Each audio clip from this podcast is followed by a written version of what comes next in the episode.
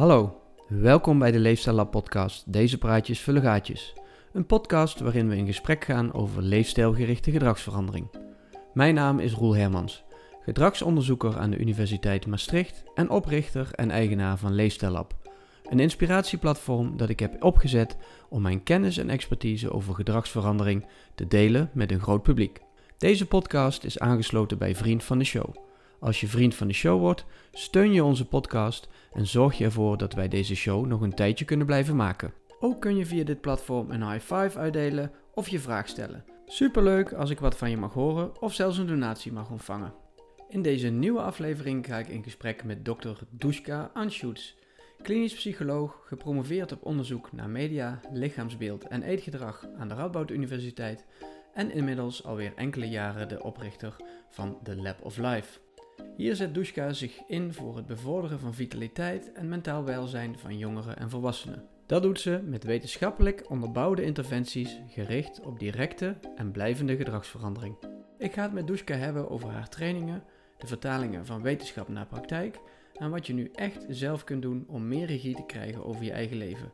En we hebben het over privé-werkbalans in plaats van werk-privébalans. Waarom? Dat hoor je vanzelf.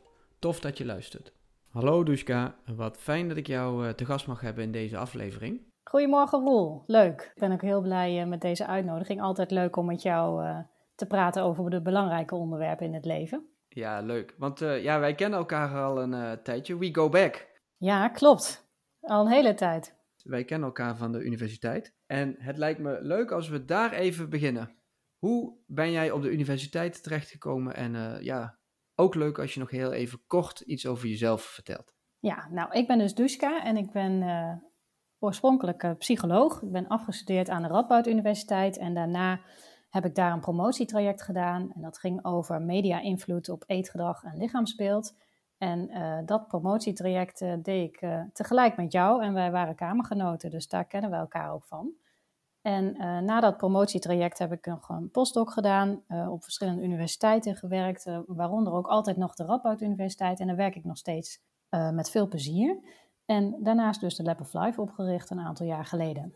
Hoe is dat gegaan? Nou, na mijn promotietraject, ik was dus afgestudeerd in de klinische psychologie en een beetje min of meer toevallig in het onderzoek gerold na mijn scriptie. Nou, het promotietraject vond ik hartstikke leuk. Heel veel van geleerd. Hadden een hele leuke groep mensen, zoals je weet, eh, bij elkaar. Uh, maar daarna begon het toch een beetje te knagen. Dat ik dacht, oh, het is wel heel veel achter de computer. En het is wel heel theoretisch onderzoek doen. En uh, ja, ik zou eigenlijk wel weer wat meer met mensen willen werken, zoals je dat soms zegt. En toen dacht ik, nou, wat vind ik nou eigenlijk interessant? En uh, wat, ik dan, wat mij heel erg opviel, ook bij mezelf, maar ook bij mensen om me heen, dat, het allemaal zo, dat we allemaal zo als een kip zonder kop aan het rondrennen waren. En proberen alle ballen in de lucht te houden. En allemaal, ja, niet dat je direct een, eh, een, een, een hele erge burn-out had, maar het hing er wel de helft van het jaar tegenaan. Mm Dat is natuurlijk iets waar heel veel mensen mee te maken hebben. En ik denk, wat kun je daar nou eigenlijk aan doen? En uh, ik gaf toen ook al een aantal jaren les in de master gedragsverandering van de Radboud Universiteit. En daar leren we studenten eigenlijk hele mooie dingen over hoe zit gedrag in elkaar, hoe kan je gedrag beïnvloeden en welke factoren spelen daarbij een rol. En ik dacht, nou, dat is eigenlijk wel iets heel goeds om toe te passen op het onderwerp stress, als je het zo wil noemen, of gewoon eigenlijk uh, balans tussen werk-privé. Hoe hou je je leven een beetje leuk? Mm Want we weten vaak wel een klein beetje van wat we, wat we zouden moeten doen en ook wel wat we willen meestal. Maar de moeilijkheid zit hem vaak juist in van hoe krijg je dat nou eigenlijk voor elkaar? En ik denk daar worden we eigenlijk in interventies nog niet zo heel vaak bij geholpen. Dus vaak wordt er meer uitleg gegeven over wat goed voor je is, maar word je niet geholpen bij hoe kan ik dat nou in mijn dagelijks leven gaan inzetten en hoe kan ik nou ervoor zorgen dat ik uh, uh, oude gewoontes doorbreek. Uh, dat miste ik een beetje in interventieland. Dus toen dacht ik, nou misschien moet ik dan proberen om zelf daarmee aan de slag te gaan. En zo is eigenlijk het begonnen dat ik dacht, ik ga een methodiek ontwikkelen waarin we kijken of we mensen uh, kunnen helpen met hun werk-privé-balans. Uh, en dan vooral met dat stukje gedragsverandering. Dus hoe krijg je het nou eigenlijk voor elkaar om daar ook echt iets in je leven aan te veranderen? Dus zo is het begonnen. Ja, mooi. En uh, nou ja, in het begin gaf je het even aan, hè, uh, ja, best wel wat werkdruk in de universitaire wereld als onderzoeker. Hè, de strijd om uh, subsidies, om te publiceren, noem het maar op. Voor de mensen die in de wetenschap werken, komt het natuurlijk vast allemaal heel bekend voor. Maar heb je daar zelf ook last van gehad? Of ben je daar zelf ook ja, op een onprettige manier mee in aanraking gekomen? Nou, ik denk wel inderdaad wat jij zegt. In de universitaire wereld gaat het heel erg om, uh, om publiceren. En er zit aardig wat druk op die projecten. Je vergelijkt je ook onderling, want je eigen cv en je carrière is heel belangrijk om verder en hoger op te komen in je carrière. En ik denk wel dat ik dat zelf ook wel gevoeld heb toen ik daar aan het werk was. En ook gezien heb bij collega's. Maar ook al wel snel voelde van, oh, dit, is, dit past niet bij mij. Dit vind ik niet fijn dat het zo... Uh, ja, dat het zo op de persoon gaat van je moet, uh, je moet, uh, je moet, daar hoor je het al, mhm, je mhm. moet van alles. En, uh, maar ik denk dat de universiteit niet de enige plek is waar dat gebeurt, dat het eigenlijk bij heel veel bedrijven zo is. En ja, mensen willen carrière maken en daarvoor moet je van alles doen en laten. En die druk die voelen we eigenlijk allemaal wel. En die heb ik zeker zelf ook wel gevoeld. En ook gewoon een volle agenda, veel willen doen, veel afspraken in je agenda moeten proppen. En dan denken, nou, ik doe het maar, want ik wil ook nog sporten en ik wil ook nog met, met mensen omgaan. En eh, ik wil ook nog leuke dingen doen. En ook leuk werk hebben. En al die dingen bij elkaar. Die druk heb ik zeker uh, ja, gevoeld. En voel ik nu nog steeds af en toe wel. Want het blijft moeilijk om al die ballen in de lucht te houden. En gewoon te zorgen dat je in balans bent. Ja, terwijl ik zelf altijd het idee heb gehad dat jij heel erg in balans was gedurende die tijd. Hè? Want kijk, ik kwam in 2007 geloof ik bij jou op de kamer. Jij werkte er toen al een jaartje. En zoals ik mij jouw werktijd herinner, jij zat daar om uh, acht uur en jij ramde dat toetsenbord door het bureau tot een uur of vijf. En uh, daarna ging jij naar huis. Maar ik heb nooit gemerkt dat jij stress had of uh, dat jij dat deed om, omdat het moest. Jij leek vrij in balans. Hoe kijk je daar zelf op terug? Nou, ik denk dat je daar wel een beetje gelijk in hebt. ik vind het wel een mooie beschrijving uh, hoe je dat geeft van mijn promotietraject. Want zo kijk ik er achteraf ook een beetje op terug. Ik deed gewoon voor mijn gevoel wat ik moest doen. Je gaat zitten, van 8 tot 5 werk je, of van 9 tot 5. En, en dan ben je ook gewoon aan het werk. En uh, het was niet zozeer dat ik me eigenlijk met anderen vergeleek, maar meer een soort innerlijke prestatiedruk. Zo van denken van, nou, als ik nou nog een schepje erbovenop doe, dan kan ik misschien nog wel een onderzoek doen. Of ja, het moet toch allemaal kunnen. En op zich gaf me dat ook niet per se heel veel stress hoor. Tijdens dat project ging dat eigenlijk ook gewoon prima. En waren het misschien wel meer de dingen daarnaast die je dan nog wilde doen, die, waar dan weinig tijd voor overbleef. Dus dat, dat uh, werken prima, dat deed je dan vijf dagen in de week, van acht tot vijf. Maar dan kan je je voorstellen dat je daarbuiten, heb je dan natuurlijk niet heel veel tijd. Ja, de avond en de weekenden, daar probeerde ik dan van alles in te proppen wat ik belangrijk vond. En dat voelde ook niet helemaal in verhouding. Dus daar kon ik van tijd tot tijd wel stress in ervaren. Of, het, of je gevoel van, uh, ja, ik uh, voldoen niet aan alles. Ik, ik, wil eigenlijk nog meer sporten. Ik wil eigenlijk nog met die en die afspreken. Maar wanneer dan uh, in godsnaam? Nou, dat een beetje. Dus die druk, die voelde ik wel. En of je dat nou echt stress kan noemen, ja, dat is natuurlijk heel moeilijk. Dat is voor iedereen ook anders. Maar die druk heb ik zeker wel ervaren. Mm -hmm. Maar echt gestrest tijdens mijn promotietraject, nee, dat viel wel mee. Maar ja, toch wel de druk ervaren van heel veel dingen moeten en willen. Herkenbaar. Volgens mij hadden wij dat misschien ook wel gemeen in die kamer. Ja. Het was meer de interne druk vanuit onszelf uh, om, om uh, nou ja, te presteren uh, en kritisch zijn op jezelf. En hoe kritisch je zelf bent, ja, dat kon een ander toch niet zijn, want je was zelf het meest kritisch. Ja, klopt. En volgens mij hebben we uh, voor de rest, ik deed de muziek en een beetje kloten en uh, hebben we het gewoon heel leuk gehad. Maar dat was op de afdeling voor sommigen echt wel anders. Klopt. Uh, die voelden wel echt enorme druk. Hoe kan dat, dat mensen daar zo in verschillen? Heb je daar een idee over? Um, ja. Want wij, wij, ja, wij kijken er allebei op een hele leuke manier op terug. Terwijl ik denk als we andere mensen zouden vragen, die hebben misschien best een, een, een moeilijke tijd gehad die jaren. Ja, en ik denk dat, dat er eigenlijk. Uh, kijk, niemand uh, komt ongeschonden weg. Dat geloof ik echt niet. Dus uh, mensen die zeggen van. Goh, ik heb helemaal geen stress ervaren. of ik, ik, ik, ik fietste er fluitend doorheen. Dat, dat, die wekken altijd mijn argwaan. Want dat geloof ik niet zo. Of mhm. die zijn een paar jaar later helemaal naar de haaien. Weet je wel. Dat, dat ja, ja, ja, ja, nou, dat is zo. Dus. Um, ja, maar, maar de mate waarin je die stress ervaart en hoe zich dat uit, dat is voor iedereen verschillend. Dus kijk, de een heeft ook al, al snel het gevoel van het is me allemaal te veel. Terwijl een ander het idee van nee, dat, dat moet ik vooral niet laten merken. Misschien ook van huis uit geleerd heeft van je moet niet zeuren, maar gewoon doorgaan. misschien dat wij dat allebei wel thuis geleerd hebben. Terwijl weer anderen eerder ook laten zien dat ze gestrest zijn. Want ik ben ook, eh, ik ben ook geen type die dat snel zou laten zien aan de buitenkant. Dus daar zitten allemaal individuele verschillen in. Maar ik denk dat we met z'n allen wel kunnen concluderen dat we allemaal van tijd tot tijd wel stress ervaren. En dat het voor iedereen in onze westerse maatschappij moeilijk is om alle ballen in de lucht te houden en je leven zo in te richten dat je ook uh, nog een klein beetje aan ontspanning toekomt of een klein beetje aan rust of, uh, en niet alleen maar van het een naar het ander aan het rennen bent. Dus ja, het klopt dat er inderdaad onze collega's daar waren erbij die er echt uh, heel hard tegenaan liepen. Bij ons was dat misschien wat minder werkbaar, maar dat wil nog niet zeggen dat wij ja, dat we er niet mee te maken hadden en ook niet zo onze eigen uitdagingen hadden. Ja, mooi hoe je dat beschrijft. Ja, en ik denk ook dat die uitdaging, dus die ballen in de lucht houden, er ook voor zorgt dat er steeds meer aandacht is gekomen voor uh, vitaliteit uh, of nou ja, werk-privé-balans. Nou, ik heb daar uh, vorige keer ook een podcast over opgenomen met Sven van As. Dus leuk om daar weer verder over te gaan. Maar hoe ziet volgens jou een vitale werknemer er eigenlijk uit? Hoe herken ik die? Ja, dat is een goede vraag. Dus ja, vitaal is ook weer zo'n woord van. Uh, ik geloof niet dat iemand dat ooit over zichzelf zegt. Van ik voel me heel vitaal vandaag of heel duurzaam inzetbaar. Dus ja, wat het voor mijn gevoel eigenlijk is, is um, dat je genoeg energie hebt en motivatie voor alle dingen die jij belangrijk vindt in het dagelijks leven. En dat kan van alles zijn. Dat is, dat is vaak ook je werk, vind je ook belangrijk. Uh, je familie natuurlijk, je vrienden. Dus dingen die jij belangrijk vindt, dat je daar genoeg energie en motivatie voor hebt.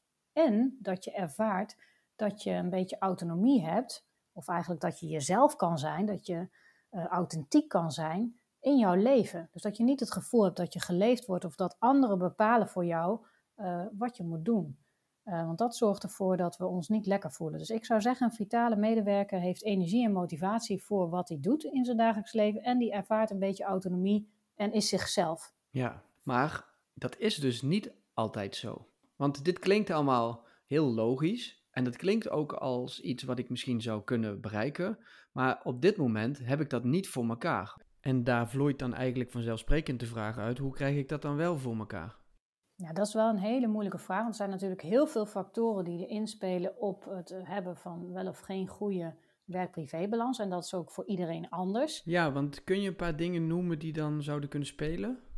Um, kan hem aan de werkkant zitten. Uh, wat, als we dan een klein beetje uitzoomen, dan denk ik dat werk uh, de laatste jaren in een rap tempo ontzettend veranderd is voor ons allemaal. Dus om even een voorbeeld te geven, het is nog niet eens zo heel lang geleden dat als jij iemand anders uh, wilde bereiken die op een kantoor zat aan de andere kant van het land, dan ging je een brief typen, die printte je uit, die deed je in een envelop, die werd opgestuurd. Nou, dat duurde even. Diegene moest hem openmaken, die moest nog een brief terugsturen. uh, dus die moest nog typen, een envelop. Nou, je voelt hem aankomen. Ja. Dat duurde even voordat je antwoord kreeg. Dat is in rap tempo zo veranderd, want nu kan ik iedereen een e-mail sturen en krijg ik misschien wel twee minuten later antwoord terug, zodat ik weer kan reageren. Ja. Um, maar we werken nog steeds ongeveer hetzelfde aantal uren. Ja.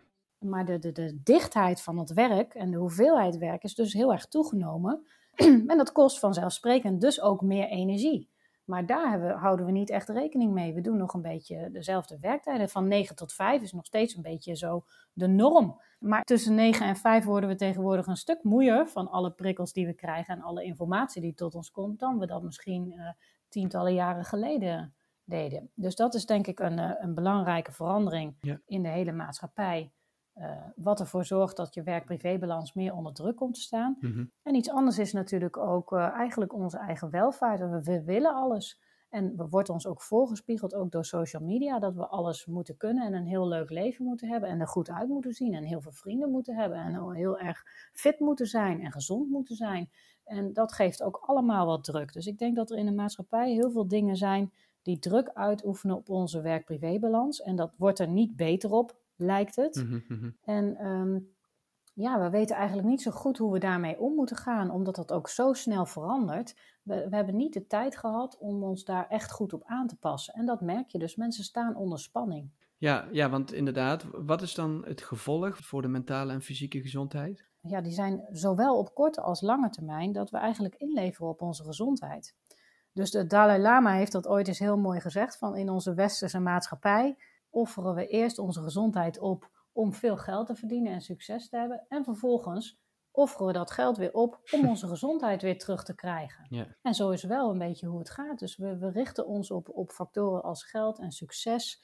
En eh, we vergeten onze gezondheid daarbij. En dan komen we op een later moment achter en denken van oeh, het was toch wel belangrijk. Ja, dus we houden ons soms iets te veel bezig met de korte termijn dingen zoals ja, succes vergaren of geld vergaren.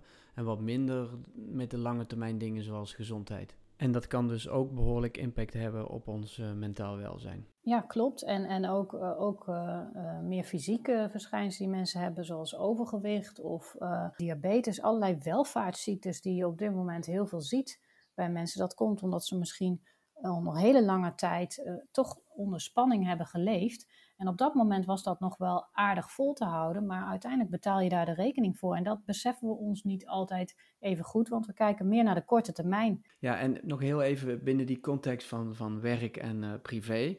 Nou ja, je gaf net aan, die dichtheid is natuurlijk enorm gegroeid van ons werk, met dat voorbeeld met die brief. Ja. Um, en dan krijgen we uh, twee, drie jaar geleden ook nog eens COVID eroverheen. Ja, wat zie je daar eigenlijk voor impact op die werk-privé-balans? Ja, voor mijn gevoel kan dat een beetje twee kanten op gaan. Voor sommige mensen heeft COVID uh, uh, het leven nog veel stressvoller gemaakt dan het al was van tevoren. En voor andere mensen heeft het COVID ervoor gezorgd dat ze eigenlijk wat meer stil gingen staan bij hoe richt ik mijn leven in. En misschien kan ik het ook wel wat makkelijker voor mezelf maken. En uh, dus voor mijn gevoel zijn, kan het echt een beetje twee kanten op gaan. En wat ik ook zie, en dat is op zich denk ik een positieve ontwikkeling, is dat mensen meer zijn gaan nadenken over hun werk-privé-balans. Want het is veel meer een onderwerp, omdat we ons werk ook wat anders inrichten. We kwamen thuis te zitten, het begon wat meer door elkaar te lopen. Uh, ja, dat is eigenlijk een soort mogelijkheid ook om het weer anders in te richten, terwijl je daar normaal gesproken niet over nadacht en gewoon in de auto stapte en naar je werk ging. Heb je nu iets dat je denkt van, goh, ik wil wat meer bewegen. Mensen zijn daar toch wat bewuster van geworden. En het lijkt wat minder een taboe om te zeggen dat je er doorheen zit. Dus ik spreek regelmatig mensen die nu ook zeggen van ja, ik ben, ik ben even helemaal klaar mee. Terwijl daarvoor was dat toch niet zo geoorloofd om te zeggen. Dan was het goede antwoord op hoe gaat het met je eigenlijk altijd nog wel van ja, goed, lekker druk. Mm -hmm. Dus wat ik je eigenlijk hoor zeggen, hè, als we even focussen op dat positieve, is dat hier weer dat, dat authentieke en dat autonome misschien aangewakkerd is. Ja, dat denk ik. In de chaos, dus mensen komen thuis te zitten. Uh, er, is, er is complete chaos. Niemand weet eigenlijk meer hoe het hoort. Dus de norm valt een beetje weg. Ja. Uh, want eerst was het misschien not done om, uh, om drie dagen in de week thuis te blijven werken als je vijf dagen in de week werkte. En dan, daar vond dan iemand wel wat van. Precies. Maar nu kwam dat allemaal op losse schroeven te staan. En dat biedt ook weer mogelijkheden voor de mensen om het anders in te richten. dus dat, dat kan voordelen hebben. Maar ja, zo zijn er ook mensen die kwamen thuis te zitten. Uh, tegelijk met, met de rest van hun gezin. Mm -hmm. En dat is dan natuurlijk wat minder relaxed. Dus er zijn ook zeker mensen, denk ik, die juist veel stress hebben ervaren. Of die inkomsten misten door COVID, waardoor ze juist veel gestrester zijn geworden. Of waarbij het werk een stuk ingewikkelder werd, zoals in de zorg of in het onderwijs. Dus daarom zeg ik, het kan twee kanten op gaan. Het kan positieve gevolgen hebben en het kan negatieve gevolgen hebben gehad voor mensen. Dus um, ja, het is moeilijk om daar een eenduidig uh, antwoord op te geven. Maar dat er iets gebeurd is, staat voor mij wel uh, als een paal boven water. Ja, ja.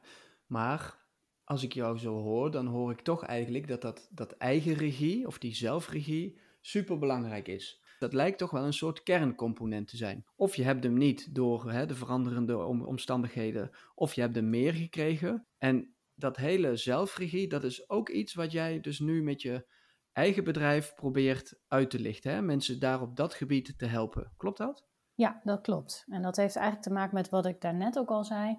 Uh, als mensen te veel het gevoel hebben dat ze geleefd worden, dat ze zelf geen invloed hebben op hoe hun leven eruit ziet, dat ze maar gewoon ja, eigenlijk meer in de overleefstand staan en een to-do-listje braaf afwerken en dat eigenlijk het enige is wat ze voor elkaar krijgen. En het gevoel hebben dat ze daar een beetje in vastzitten. En er zijn veel mensen die het gevoel hebben dat ze vastzitten in hun leven.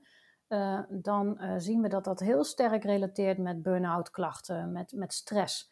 Uh, dat, dat zitten mensen niet lekker. Dus de oplossing zit hem er ook in om mensen weer het gevoel te geven van, goh, ik kan toch mijn eigen keuzes maken. Ik heb toch wel wat ruimte. Er zijn dingen waar ik wel invloed heb. Ik heb op heel veel dingen geen invloed. Op heel veel dingen heb ik geen controle. Mm-hmm. maar er zijn wel een aantal dingen waar ik wel zeker invloed op heb. En ik heb ook het gevoel dat ik daar wat mee kan. Dus dat is een belangrijke factor voor mensen om uh, lekker in hun vel te zitten. Het idee gewoon dat je een beetje zelf kan bepalen wat je doet in je leven. En dat hoeft echt niet iedere dag te zijn of met alles. Maar als dat helemaal wegvalt en je hebt het idee van, nou, ik doe maar gewoon wat ik moet doen en dat was het dan, dan zie je dat dat vaak samenhangt met echt burn-out klachten of dat mensen dat na een tijdje ontwikkelen. Ja, maar kun je ook wat vertellen hoe je dit dan precies hebt opgepakt binnen jouw methodiek? Ja, nou, wij proberen mensen te helpen, dus wat ik al zei, om genoeg energie en motivatie te krijgen voor de dingen die zij belangrijk vinden in het leven. Mhm. En dat is wel een belangrijk eerste punt, is dat we dat, dat, we dat, dat klinkt heel breed en dat is ook heel breed. Ja. Want de een ervaart stress omdat er op het werk iets niet goed zit, of omdat ze conflicten ervaren met collega's of met een leidinggevende. En de ander ervaart stress omdat je bewijzen van een, een kind hebt wat niet doorslaapt s'nachts, of omdat je eh, eh, een eh, ouder hebt waarvoor je moet mantelzorgen. Dus mensen hebben allemaal andere redenen, of het is een combinatie van redenen. En daarom is het zo dat je eigenlijk geen one-size-fits-all oplossing kan hebben die voor iedereen werkt. Uh, dus het belangrijke is om vanuit die individu te gaan kijken van, goh, hoe zit jouw leven in elkaar? En dat is ook wat we doen. En waar uh, verlies jij energie? Waar krijg je energie van? Mhm. En vervolgens proberen we ze dan te helpen om dat om te zetten in iets waar ze ook concreet iets mee kunnen gaan doen in hun dagelijks leven. Zodat je niet blijft hangen op van, ja oké, hier krijg ik energie van en dit kost me energie. En dan? Uh, dus zo wil ik de mensen liever niet naar huis sturen, maar liever met een plan, een oplossing, iets wat ook haalbaar is. Mhm. Uh, zodat ze er iets mee kunnen doen, want daar zit hem vaak de moeilijkheid in. Dus dat is wat we bij de Lab of Life doen. We helpen mensen eigenlijk om aan die gedragsverandering te werken. Of eigenlijk meer gewoon om een, om een fijner leven te creëren voor zichzelf. Heel belangrijk natuurlijk vanuit dat hele gedragsverandering. Je eigen regie nemen. Je moet zelf aan de slag met een plan waar jij energie van krijgt. Maar hoe doe je dat dan? Ja, het zit eigenlijk heel simpel in elkaar. Mensen krijgen een werkboek en daar maken ze opdrachten in. En die opdrachten bespreek je met elkaar. Dus je, als, als trainer of als coach help je die mensen een beetje om die opdrachten te maken. Je vult het niet voor ze in, je bedenkt niet de oplossingen, dat doen ze zelf. Um, maar uh, je faciliteert eigenlijk voor hen dat proces en dat, daar probeer je ze een beetje in te helpen. En in die opdrachten die mensen maken zitten technieken die mensen helpen om van willen naar doen te komen. Dus die helpen mensen om over de weerstanden die we eigenlijk allemaal hebben tegen verandering, en die zijn ook hartstikke natuurlijk, om daar overheen te stappen. En zo komen mensen dus eigenlijk uh, een beetje dichterbij van, goh, hoe kan ik nou daadwerkelijk iets gaan doen en iets wat voor mij goed voelt, wat bij mij past, om dat ook te gaan veranderen. En daar faciliteren we mensen eigenlijk bij in de trainingen. Ja. Zo moet je het zien. Ja, en ik hoor er eigenlijk twee dingen die ik er even uit wil lichten. Eén is dus een werkboek en twee is een trainer. Uh, als ik dus even focus op dat werkboek, dat is echt een papieren uh, ding wat je moet invullen. En dat heb je ook heel bewust zo gedaan, toch?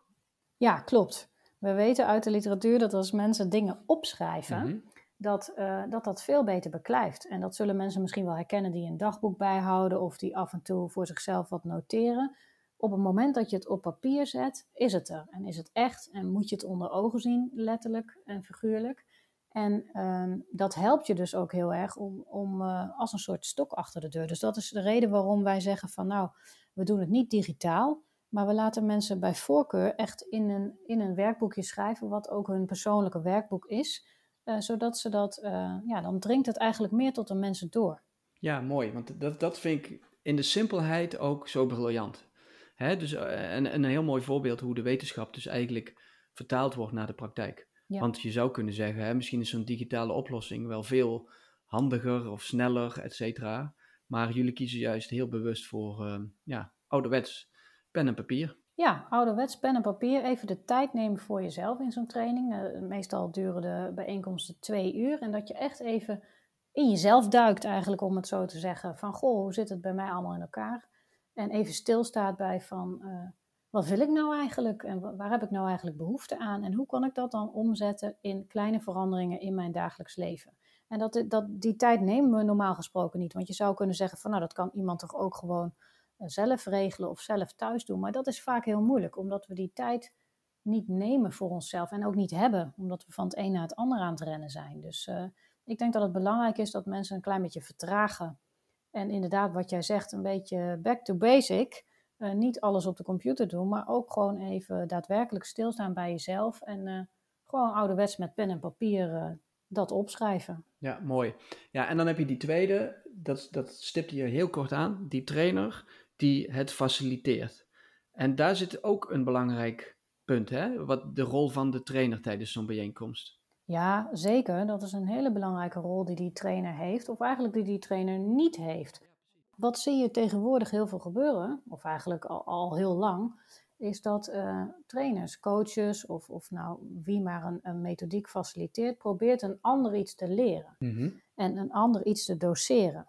En dan gaan we heel veel informatie geven, maar we weten eigenlijk al lang dat dat niet werkt. Het heeft geen zin om mensen te overspoelen met informatie en proberen echt aan die bewustwording van mensen te werken.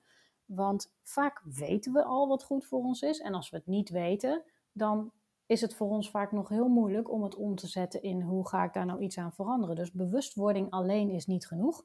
Dus wij zeggen altijd ehm, eh, tegen onze trainers: probeer niet te doseren, maar te faciliteren het proces van een ander. Maar je kunt geen tips en tricks geven eigenlijk aan iemand anders, want dat is een andere persoon, die heeft een heel ander leven. Dus stel je voor dat ik nou tegen jou zou zeggen: Roel, uh, jij moet nu iedere dag de trap oplopen, tien keer uh, om drie uur s middags. Ja, dan denk je ook van, maar dat past helemaal niet in mijn leven. Ik ben aan het werk om drie uur, ik ben niet eens thuis. Hoe kan ik nou tien keer de trap oplopen? Mhm. En dat nou, is een heel simpel voorbeeld, maar te vaak uh, proberen we een ander, uh, met alle goede bedoelingen van dien, daar niet van, Mhm. te helpen met tips en tricks die bijvoorbeeld voor ons gewerkt hebben. Maar ja, dat wil helemaal niet zeggen dat het voor een ander werkt. En zolang een, iemand anders dat nog niet zelf bedacht heeft of zelf uitgeprobeerd heeft, heeft dat eigenlijk helemaal geen zin. Dus we proberen echt ook onze trainers mee te geven van niet doseren en zeker niet met het vingertje erbij. Uh, maar gewoon kijken, wat, kan, wat past er nou echt bij die ander? Ja, maar dat doet hij niet zomaar uit zichzelf. Jullie hebben daar een hele handleiding voor, toch? Van wat je verwacht van zo'n trainer of hoe die sessie geleid moet worden. Ja, klopt. Die trainers die worden, worden eerst opgeleid door ons, dus die krijgen ook informatie over hoe zit gedrag in elkaar, hoe zitten er nou weerstanden tegen gedragsverandering die in ieder mens zitten, wat zijn dat precies voor weerstanden en hoe kan je daarmee omgaan, hoe kan je zorgen dat mensen daar overheen stappen en uh, hoe zitten die technieken dan in de training verwerkt. En vervolgens kunnen ze met die methodiek aan de slag met een handleiding daarnaast, uh, waarin uh, staat uitgelegd eigenlijk wat de bedoeling is dat de deelnemer gaat doen.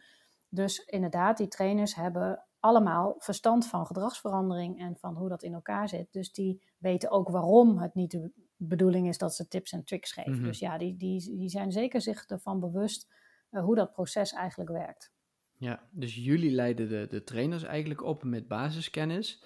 En dan hebben jullie een, een methodiek waarin de deelnemers eigenlijk zichzelf uh, gaan veranderen. Ja. Onder leiding van zo'n trainer. Dat is een beetje zoals we het moeten zien, toch? Ja, alleen zichzelf gaan veranderen vind ik dan nog altijd een beetje klinken alsof je van alles moet veranderen. Ik zou liever willen zeggen waarin ze zelf een beetje gaan kijken van waar wil ik nou eigenlijk wel wat mee en waar krijg ik energie en motivatie van en hoe zou ik dat willen aanpakken. Ja. Want als je al zo'n stempel opplakt van gedragsveranderingstraining, nou daar zou ik zelf ook niet aan Nee, meedoen. nee, nee, oké. Goed punt, goed punt. En um, die methodiek, hoeveel bijeenkomsten hebben we het dan over? Nou, dat zijn vijf bijeenkomsten van twee uur. En is dat dan alleen of in een groep? Ja, dat kan individueel zijn, maar uh, meestal is dat in een groep. En dat is ook weer leuk, want dan zie je eigenlijk dat je als mens nooit alleen bent uh, in de dingen waar je mee uh, worstelt. Maar ook zie je heel goed dat iedereen weer anders is en dat de oplossing voor iedereen weer in een ander stukje zit. Maar het mooie aan zo'n groep is dat mensen ja, ook die herkenning en die verbondenheid voelen. En natuurlijk dat de rol van het trainer dan weer wat kleiner wordt. Terwijl als je één op één zit, dan is de verleiding natuurlijk als trainer groot om uh, af en toe toch even een tip uh, er tussendoor te geven Mhm, uit je mhm. eigen doos. Mhm. Maar uh, dat was dus niet de bedoeling. Nee, nee. En zit die herkenbaarheid van de problemen tussen haakjes van de ander dan in het feit dat het altijd echte collega's van elkaar zijn? Of, of is die groep ook divers? Ja, soms zijn dat hele diverse groepen. Dus dat kunnen mensen zijn die elkaar kennen. Het kunnen ook mensen zijn die elkaar helemaal niet kennen. Vaak zit jong, oud, man, vrouw allemaal door elkaar. Mhm. En in die end uh, is het natuurlijk zo, we zijn allemaal mensen.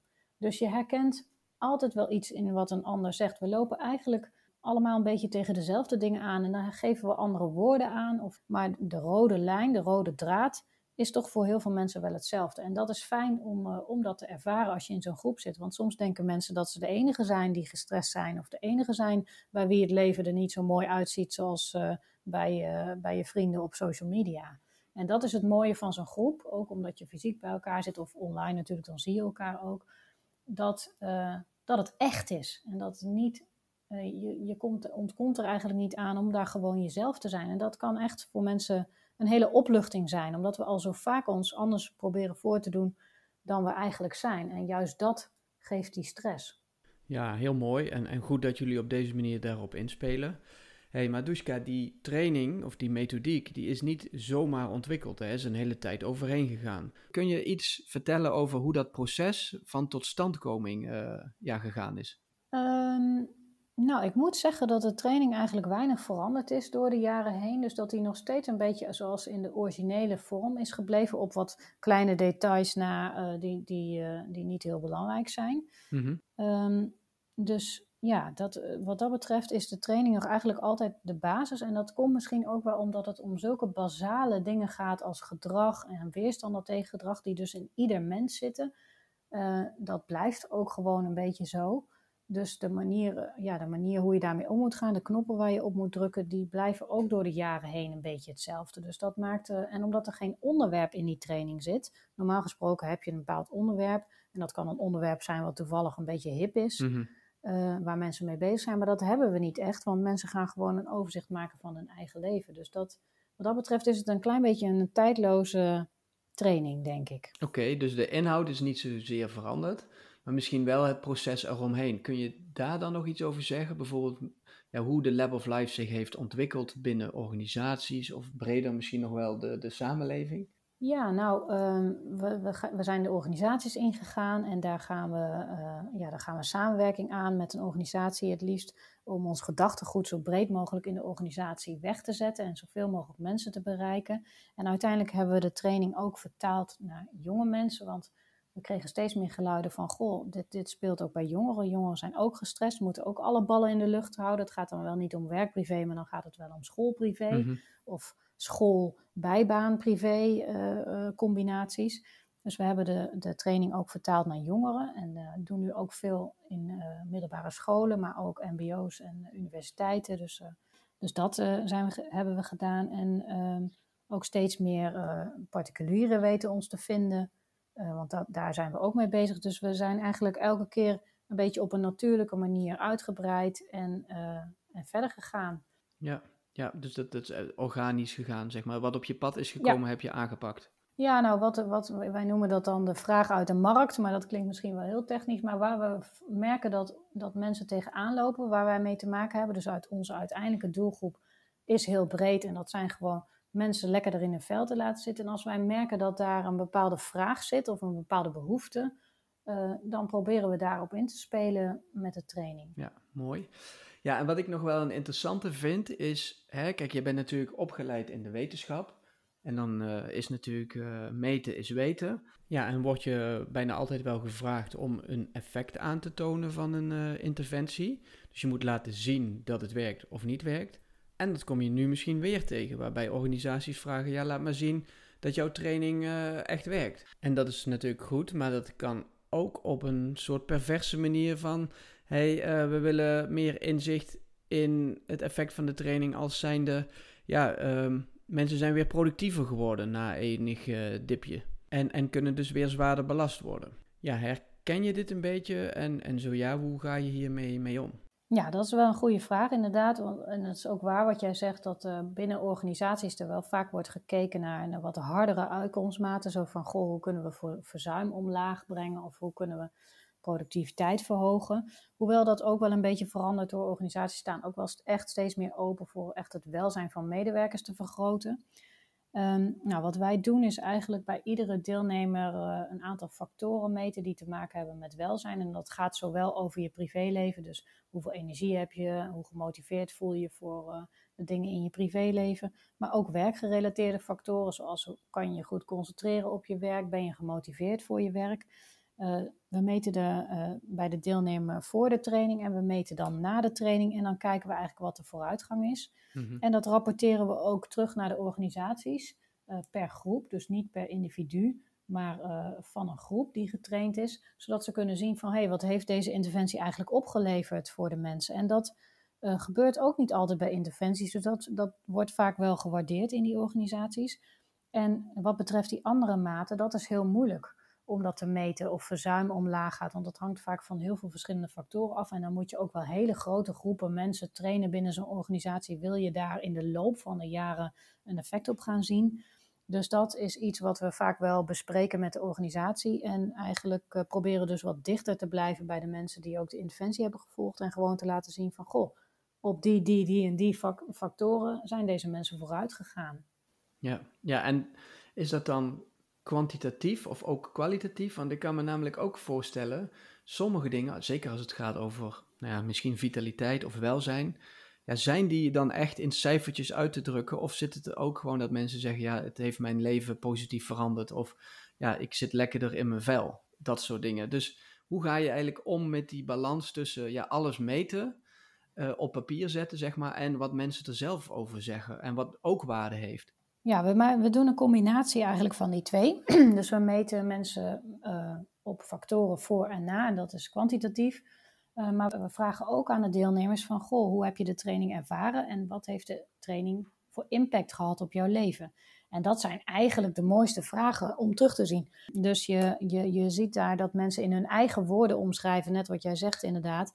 Uh, bijvoorbeeld jongeren zijn daar ook altijd een goed voorbeeld van. Die schrijven in hun eigen woorden op van ik ben gewoon beter bezig. Mhm, mhm. Eh, ik, uh, ja, ik overdenk minder.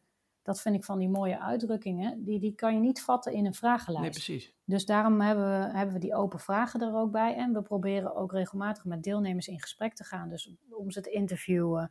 Of om, uh, om ze weer eens na een tijd lang weer terug te zien en te kijken hoe gaat het nu met je? Moeten we weer dingetjes aan worden gescherpt? Of dus echt dat contact te houden met die deelnemer. En uh, dat valt inderdaad niet alleen in een vragenlijstje te vangen. Nee, mooi.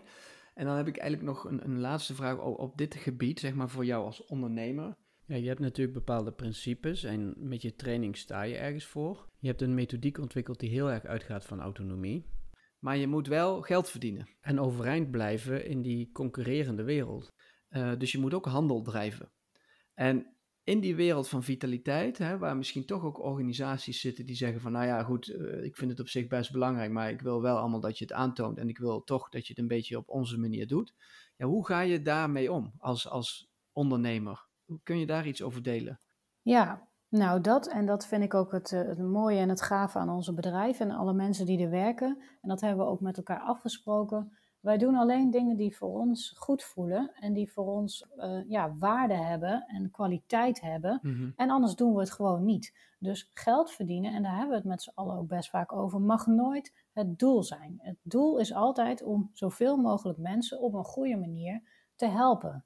Of in ieder geval ze te faciliteren om zichzelf te helpen. Dat vind ik eigenlijk nog mooier gezegd. Mhm. En daar uh, doen we best veel moeite voor. En regelmatig komen we daarvoor bij elkaar en overleggen we met elkaar van... Goh, zitten we nog op het goede spoor? En, en doen we ook nog leuke, goede maatschappelijke projecten... waarbij we mensen helpen zonder dat dat commerciële doel eraan zit... om het in balans te houden. En als een klant echt zegt van nou, ik wil de productiviteit van mensen verhogen, ze moeten gewoon harder werken en niet allemaal thuis gaan zitten miepen. Ja, zo'n klant uh, hoeven wij niet. Mhm. Dat past ook niet bij onze, onze methodiek. Dus dan meestal wil, wil, die klant onze interventie ook niet. Die heeft dan liever een oplossingje uh, waarbij je kort door de bocht uh, mensen eigenlijk een beetje pappen en nat houden. Mhm. dus dat komt goed uit, want wij willen zo'n klant eigenlijk ook niet. Dus dat, dat sorteert um, zich dus wel een beetje uit, ja ja, dat sorteert zich wel een beetje uit. En, en wat is het gevolg daarvan? Dat is misschien dat ons bedrijf niet als een, als een speer groeit, maar dat hoeft ook helemaal niet.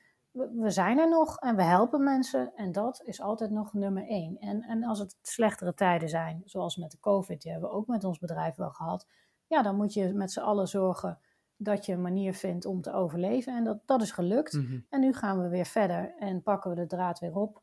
En proberen we toch niet in die val te trappen van uh, te snelle groei, te veel willen, maar het gewoon, ja, het moet ook leuk blijven. Dus uh, in onze strategie-meeting staat ook op, uh, op de agenda van hoe houden we het leuk met z'n allen. En dat betekent dus soms dat je, ondanks dat je het allemaal hartstikke druk hebt, toch leuke dingen gaat doen samen. Of toch die wandeling tussen de middag gaat maken. En iedereen daar ook in meesleept eigenlijk. Want voor je het weet zit je met z'n allen alleen maar te werken. En dat kan natuurlijk niet.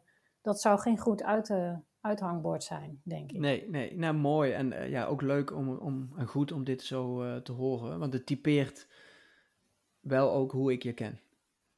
Ja. En uh, ja, goed, ik denk dat dat heel belangrijk is, dat je trouw blijft aan jezelf, aan je principes in zo'n bedrijf. Ja, dat denk ik ook. Dat zouden meer mensen moeten doen. Maar goed, ik kan me ook voorstellen dat dat uitdagend is in zo'n situatie met COVID, waarin misschien bedrijven toch zeggen, nou, we gaan ons even op onszelf richten en niet op onze werknemers. En dat jij dan met je bedrijf toch even een soort van werkloos wordt. Ja, nou, wij zijn ook in dat gat gevallen, net als andere mensen, omdat het één grote chaos was, uh, ook bij onze klanten. Dus dan ga je niet bellen en zeggen van, goh, wij zouden volgende week beginnen met die training uh, fysiek. Uh, gaat het nog door? Nee, dat, zo werkt het niet. Hmm. Maar goed, dan, dan moet je even slikken, kijken wat de situatie is, proberen oplossingen te verzinnen. Dus we hebben ook heel veel dingen online gemaakt in die tijd. En daar was, er eigenlijk niet mijn voorkeur. Maar ik kwam erachter dat het ook heel veel mooie kanten heeft. Dus daar heb ik ook weer wat van geleerd. Dus als je maar wat, er wat van leert en met z'n allen samen probeert ehm, ja, die verbondenheid erin te houden, dan, uh, ja, dan kan je eigenlijk misschien wel veel meer aan dan je zelf denkt. Dus gewoon niet direct in paniek raken.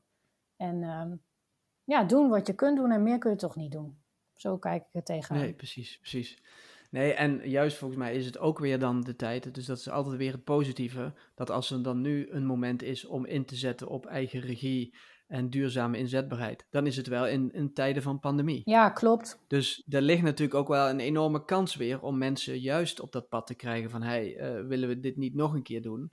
Dan moeten we misschien nu in de toekomst uh, gaan kijken en werken en dus op die lange termijn uh, aan de slag wat je net ook aangaf. Ja, klopt. Dus ik ben ook heel positief over de toekomst in dat opzicht. Er wordt steeds meer aandacht besteed aan dit onderwerp. Steeds meer gaat het ook over mentale fitheid. En de nadruk ligt ook wat minder alleen op het echte fysieke, het vermijden van ziekte. Het gaat nu ook veel meer over het bevorderen van gezondheid. Op lange termijn gaat meer naar preventie uh, aandacht. Dus uh, ik ben daar heel, uh, heel optimistisch over. Mooi. Ja, en belangrijk, want dat geeft dan ook weer energie natuurlijk. Precies. Ja, hey Dushka, we hebben het nu een hele tijd over jou als ondernemer en de Lab of Life en de methodiek. Super interessant. Maar jij zegt ook, ja, er is een heel groot onderscheid tussen weten en doen. En als ik het dan even op mezelf betrek, ja, dan herken ik dit uh, zeker. Uh, ondanks dat ik uh, ja, dagelijks bezig ben met gedragsverandering, blijft het een uitdaging om uh, tijd te nemen voor mezelf en eigen regie te houden. Want er is altijd wel iets te doen, of in ieder geval heb ik het gevoel dat ik iets moet doen. Ja, hoe houd ik de regie en laat ik me dus minder leiden door de dingen om me heen? Ja, dat is natuurlijk de hamvraag. En ik zal alvast verkloppen dat ik daar geen eenduidige oplossing voor heb. En dat daar dus ook eigenlijk geen pil of uh, zelfhulpboek voor is die je daar een klip en klaar uh, tip voor geeft waarmee uh, het allemaal opgelost is. Maar dat geeft wel direct aan wat dus wel belangrijk is om te doen. En dat is namelijk het creëren van tijd en het issue, als je het zo wil noemen, serieus te nemen. En te besluiten van, ik wil hier iets mee doen. Ik heb het gevoel dat het allemaal een beetje wringt, dat het niet lekker zit. En hier ga ik iets mee doen. Dus dat besluit nemen en dan weten ook dat je hier zelf uh, voor op ontdekkingsreis moet en dat jij voor jezelf die oplossingen moet gaan verzinnen en dat dat tijd kost. Dus die tijd moet je eerst maken. En vaak hebben we die niet. Dus als je van het een naar het ander blijft rennen, mm, uh, dan heb je ook geen tijd nee. om, om hier echt voor te gaan zitten. Dus dat is denk ik eerst het eerste wat je zou moeten doen. Besluiten van ik ga er iets mee doen en dat mag best wel even duren. Dat... Ja, dus, dus tijd nemen en uitzoomen tijd nemen en uitzoomen. Dat tweede is wat jij zegt, is inderdaad ook een hele belangrijke. Uitzoomen. Want, uh, en dat kan eigenlijk alleen maar als je tijd neemt. Ja, ja. Um, dus die twee dingen hangen ook met elkaar samen. Je moet eigenlijk gaan uitzoomen van wat vind ik nou eigenlijk echt belangrijk. Want er zijn altijd kleine urgente dingetjes in je dagelijks leven die, die al je tijd uh, opgebruiken en die heel, eventjes heel belangrijk lijken. Maar Ja. waarvan je eigenlijk zelf ook wel weet dat ze op de lange termijn niet belangrijk zijn. Nee, een appje of een e-mail of uh, ja. Precies. Even weer dit regelen, even dit e-mailtje beantwoorden, eventjes dit rapport nog afschrijven, want er zit iemand op te wachten. Ja, crisisje op het werk, ja. Precies. Dat zijn dingen die zijn weliswaar wel een beetje belangrijk, maar het is niet zo dat jij aan het eind van je leven denkt van, goh, dat ene rapport wat ik een week te laat af heb, dat eh, had ik dat nou maar even Mhm. anders geregeld. Mhm. Ehm, en dat moeten mensen zich eigenlijk iets meer gaan beseffen. En misschien af en toe de tijd nemen dus om uit te zoomen en te denken van... Goh, waar wil ik nou geen spijt van hebben over tien jaar of aan het eind van mijn leven, wat mijn part. Eh, en zit ik dan eigenlijk wel op het goede spoor op dit moment? Want we laten ons vaak zo ehm, ja, leiden door de, door de kleine dingetjes in het dagelijks leven. Ehm, dus, en werk vinden we heel belangrijk. Dus als we het dan weer even over die werk-privébalans hebben. Werk vinden we heel belangrijk en daar gaat heel veel van onze energie naartoe.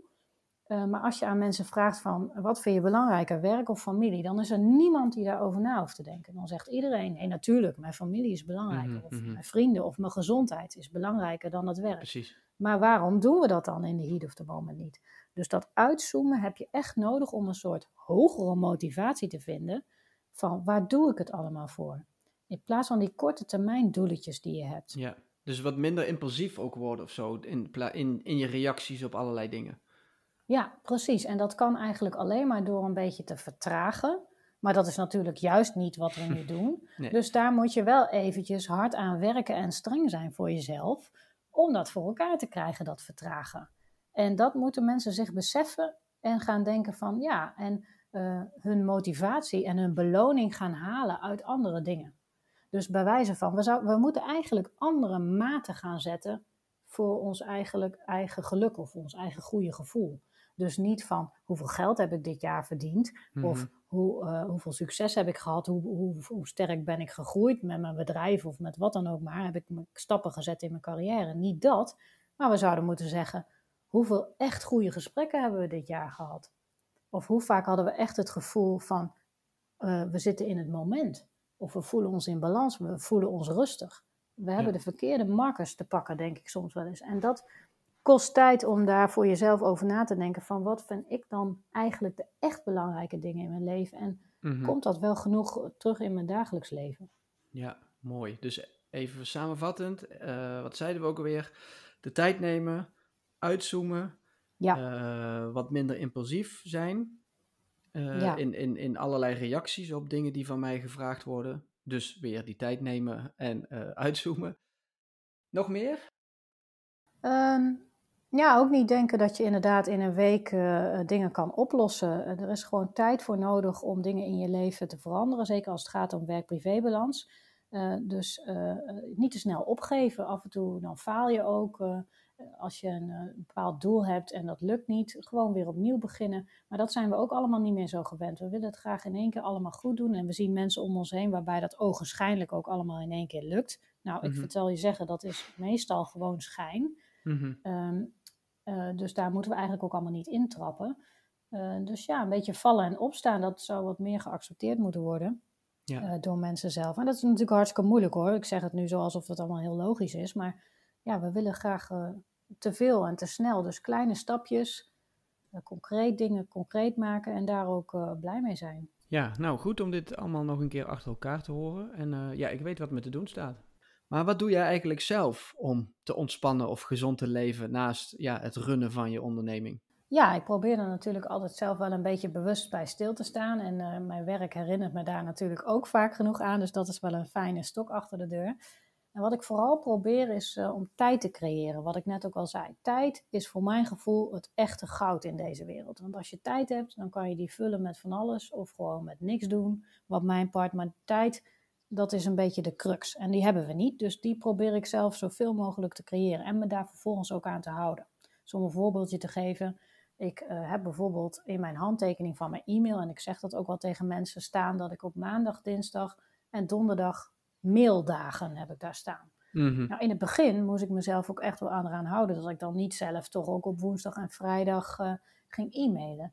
Maar uiteindelijk creëert het wel rust, want op woensdag en vrijdag heb ik niet het hele tijd het idee dat ik de e-mail moet checken of dat mensen antwoord verwachten. En dat is toch weer twee dagen Ja, waarin je tijd kan pakken om bijvoorbeeld eh, taken te doen waar je concentratie voor nodig hebt. Of even lekker buiten te wandelen zonder dat je je schuldig voelt. Of tussendoor je telefoon nog weer zit te checken. ja.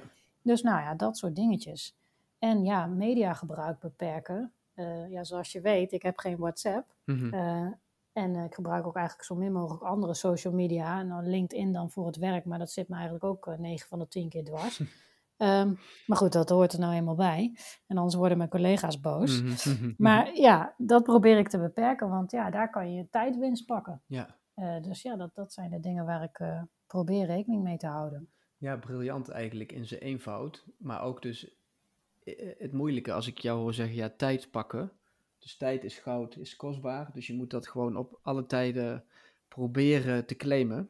Ja, En daar dan je life hacks voor in te zetten. precies. Want je denkt ook heel vaak, maar dat kan toch niet? Dus ik denk dat er mensen nu luisteren en dan zeggen van... Ja, hoezo? Je hebt geen WhatsApp, dan kan, dan kan je toch niet fatsoenlijk fu- functioneren? Nou, ik zal je vertellen mensen, dat kan dus wel. Mhm. Want als je het gewoon niet hebt, dan weten mensen je wel op een andere manier te bereiken als het echt nodig is. En de mensen die dat niet doen, dat waren waarschijnlijk toch al niet je beste vrienden. Probeer het maar eens, zou ik eigenlijk willen zeggen. Eh, en, en mensen wennen daar ook aan. Het is voor jezelf ook even wennen. Maar uiteindelijk denken mensen, die halen hun schouders op en zeggen, ja, die, die, die, die freak die heeft geen eh, WhatsApp. Nou, oké, dan moet ze zelf maar weten. Mhm. En, dan, en vervolgens eh, heb je dus weer wat tijd gewonnen. Ja, ja, ja, ja. Ja, en misschien zit het hem hier vooral in, in de ontwenning in het begin. Hè? Want het zit natuurlijk zo ingeburgerd in ons leven, hè? al die, die tools en Klopt. middelen, eh, die ook heel handig zijn. Ja, En ook heel veel leuke dingen opleveren, maar we zijn er wel afhankelijk van geworden. ja, En wat jij eigenlijk doet of hebt gedaan, is bepaalde dingen gewoon wegstrepen. Maar dat was in het begin natuurlijk vet ongemakkelijk. ja. Maar daar moet je dan even doorheen, ja, of eigenlijk, als je het ja, echt wil. En dan komt het weer terug van, wil je dit echt? Ja, precies. Levert je ook, ook echt wat op. En dan, eh, ja, het mooie is als je tijd winst, vul die dan ook met iets anders wat voor jou betekenis heeft. Dus dan, dan ga je ook die beloning voelen van, van wat je dan wel doet. En al is het maar gewoon rust, rustig gaan of eerder naar bed of gewoon een uurtje langer uitslapen in plaats van op je telefoon zitten. Dat kan soms ook heel belonend zijn. Eh, dus je moet die extra tijd die je dan wint ook voor jezelf belonend proberen te maken. Ja, ja, nou ja, mooi. Ehm Dushka, we gaan afronden. Eh, ja, ik heb weer heel veel dingen gehoord waarvan ik eigenlijk ook wel wist dat ze bestonden. Maar het is toch gewoon goed om dit ook weer te horen. En eh, ja, dat stukje tijd claimen, dat uitzoomen, ja, dat zijn volgens mij gewoon op alle gebieden van gedragsverandering, of het nu gaat over gezonde eten of meer bewegen of nou ja, meer, eh, meer ontspanning, is gewoon echt super belangrijk. Ja, klopt. Waar doe je het allemaal voor? Zeg maar? Geef het betekenis voor jezelf. Waarom ga je gezond eten? Wat, wat, wat is je doel ermee uiteindelijk? Ja, hey, maar we hebben het, het schiet me nu even te binnen, we hebben het de hele tijd over nou ja, balans tussen werk en privé. Mhm. Maar zou het ook niet goed zijn als we soms zeggen gewoon balans tussen privé en werk? Dat we privé misschien gewoon ook onbewust op één zetten in plaats van werk in zo'n vergelijking? Ja, dat zou natuurlijk hartstikke mooi zijn. Ik, ik snap de hele verhouding vijf dagen werken en twee dagen vrij niet helemaal. Dat klinkt toch ook al niet alsof het in balans is. Dus waarom zouden we het niet omdraaien? Twee dagen werken en vijf dagen vrij. Niet dat dat zo simpel is hoor, maar gewoon om jezelf eens even ja, een ander perspectief te geven. Ja. Zouden we inderdaad ook gewoon voortaan kunnen zeggen privé-werkbalans. ja, misschien omdat het dan ook onbewust dan jezelf helpt. Oh ja, privé vond ik gewoon belangrijker. Dus ik ga daar wat meer tijd voor nemen. En dat inderdaad, wat je zegt, hoeft dan niet in één keer hè, eh, je hele werkweek om te gooien, zodat je nog maar een paar dagen werkt in plaats van fulltime. Maar wel dat je op de andere momenten gewoon eerst naar je privé kijkt en dan pas naar je werk. Ik heb het idee dat het gewoon zo andersom is, onbewust. Ja, Dat we dat werk zo belangrijk maken. En door het ook in zo'n vergelijking al op één te zetten, wordt het ook alleen nog maar belangrijker. ja, ik vind dat eigenlijk wel een goeie van jou. We moeten het voortaan gewoon privé-werkbalans gaan noemen. Ja, ja. Ja, ik, ik geloof niet dat ik hem zelf helemaal verzonnen heb. Ik denk dat ik het ook ergens gelezen heb. Ik weet niet meer waar. Maar ja, het, het is wel iets waar ik in de voorbereiding naar dit gesprek over dacht van... Ja, misschien zou dat toch stiekem een beetje kunnen helpen als we dit groter verspreiden. Ja, we moeten nieuwe normen gaan creëren. Ja, ja, ja. En want dat zei je ook in het begin. Je hebt gezien hoe powerful dat kan zijn, hè? Door dat hele COVID, eh, thuis gaan zitten, werken eh, en niet opeens meer vijf dagen in de week naar kantoor. Zorgt ervoor dat je echt op een heel andere manier naar deze dingen gaat kijken. En je ook minder aantrekt op een gegeven moment van wat de ander ervan vindt. Dus als die norm verandert, verandert soms ook gedrag mee. En andersom. Ja, dat klopt dus. En, en dat stemt mij dus ook zo positief, want we kunnen die norm veranderen. En dat is ook wat ik tegen mensen zou willen zeggen. Begin gewoon bij jezelf, want als maar genoeg mensen zeg maar, hiermee aan de slag gaan met dit onderwerp, dan veranderen we uiteindelijk met z'n allen die norm. En dat is natuurlijk, zou natuurlijk hartstikke mooi zijn als we voortaan allemaal zouden hebben over privé-werkbalans in plaats van werk-privé-balans. Ja, top. Nou, kijk, sluiten we daar toch mooi uh, mee af. Heb jij nog één, hè, en ik weet dat het niet zo werkt, maar heb jij nog één gouden tip voor de luisteraar op het gebied van ja, lekker in je vel zitten en energie hebben? Ja, ik zou zeggen, probeer met z'n allen niet in de geld en de succes of de gemakval te trappen. Want een fijn leven zit hem echt niet in succes en geld, maar in verbinding met jezelf en met anderen. Dus probeer dat gewoon af en toe voor jezelf even bij stil te staan. En vanuit dat standpunt te leven en niet te veel op de korte termijn uh, dingetjes. Geweldig. Dankjewel Duska voor, jou, uh, voor jouw wijsheden en voor jouw uh, kennis en informatie die je met ons hebt gedeeld. Nou, Roel, super bedankt. Ik vond het echt een leuk gesprek weer, zoals altijd met jou. En ja, top. Ja, voor nu super bedankt. Ja, jij ook.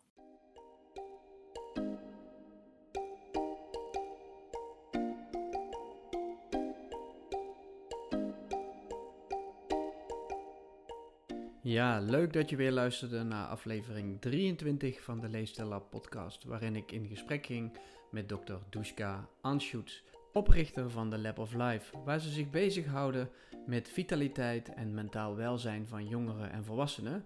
En dat doen ze op een wetenschappelijk onderbouwde manier. Nou, je hebt Dushka daar eh, volop over horen praten, met veel enthousiasme. Nou, mocht je daar nu meer over willen weten, ga dan naar www.thelaboflife.com. En misschien kan Dushka wel iets voor jou of jouw organisatie betekenen. Nou, ik vond het een heel mooi gesprek, met name het gedeelte over het nemen van de eigen regie over je leven. We weten het allemaal wel, maar het doen, dat is inderdaad vaak de uitdaging. Nou ja, daar draait gedragsverandering uh, wat mij betreft ook over. En de tips die Dushka gaf over het nemen van tijd eh, voor jezelf, het uitzoomen, ja, dat zijn echt wel dingen die aan de basis liggen uh, van blijvende gedragsverandering. Dus uh, ja, heel leuk om daar op die manier weer met Dushka over te praten. En uh, ja, voor mij kwamen oude tijden weer terug, want we hebben jaren met elkaar op één kamer gezeten. En ja, fijn om dat weer even terug te halen. Goed, deze aflevering zit er dus op. De volgende gesprekken staan ook klaar. Nou, ik ga me niet meer houden aan de planning, want daar komen alleen maar problemen van. Wat ik je wel kan zeggen, is dat mijn volgende gasten Bas Visserman zijn van uh, Runners World Arnhem. We gaan het hebben over hardlopen. Er staat nog steeds een gesprek gepland met professor Roy Otte van de Radboud Universiteit over alcoholgebruik. En ik ga in gesprek met dokter Iris Groeneberg, expert voeding en gedrag bij het voedingscentrum over de schijf van vijf. Dus nog genoeg moois in het verschiet. En uh, ik wil je weer bedanken voor het luisteren naar deze aflevering. En ik zie je snel weer terug. Tot snel!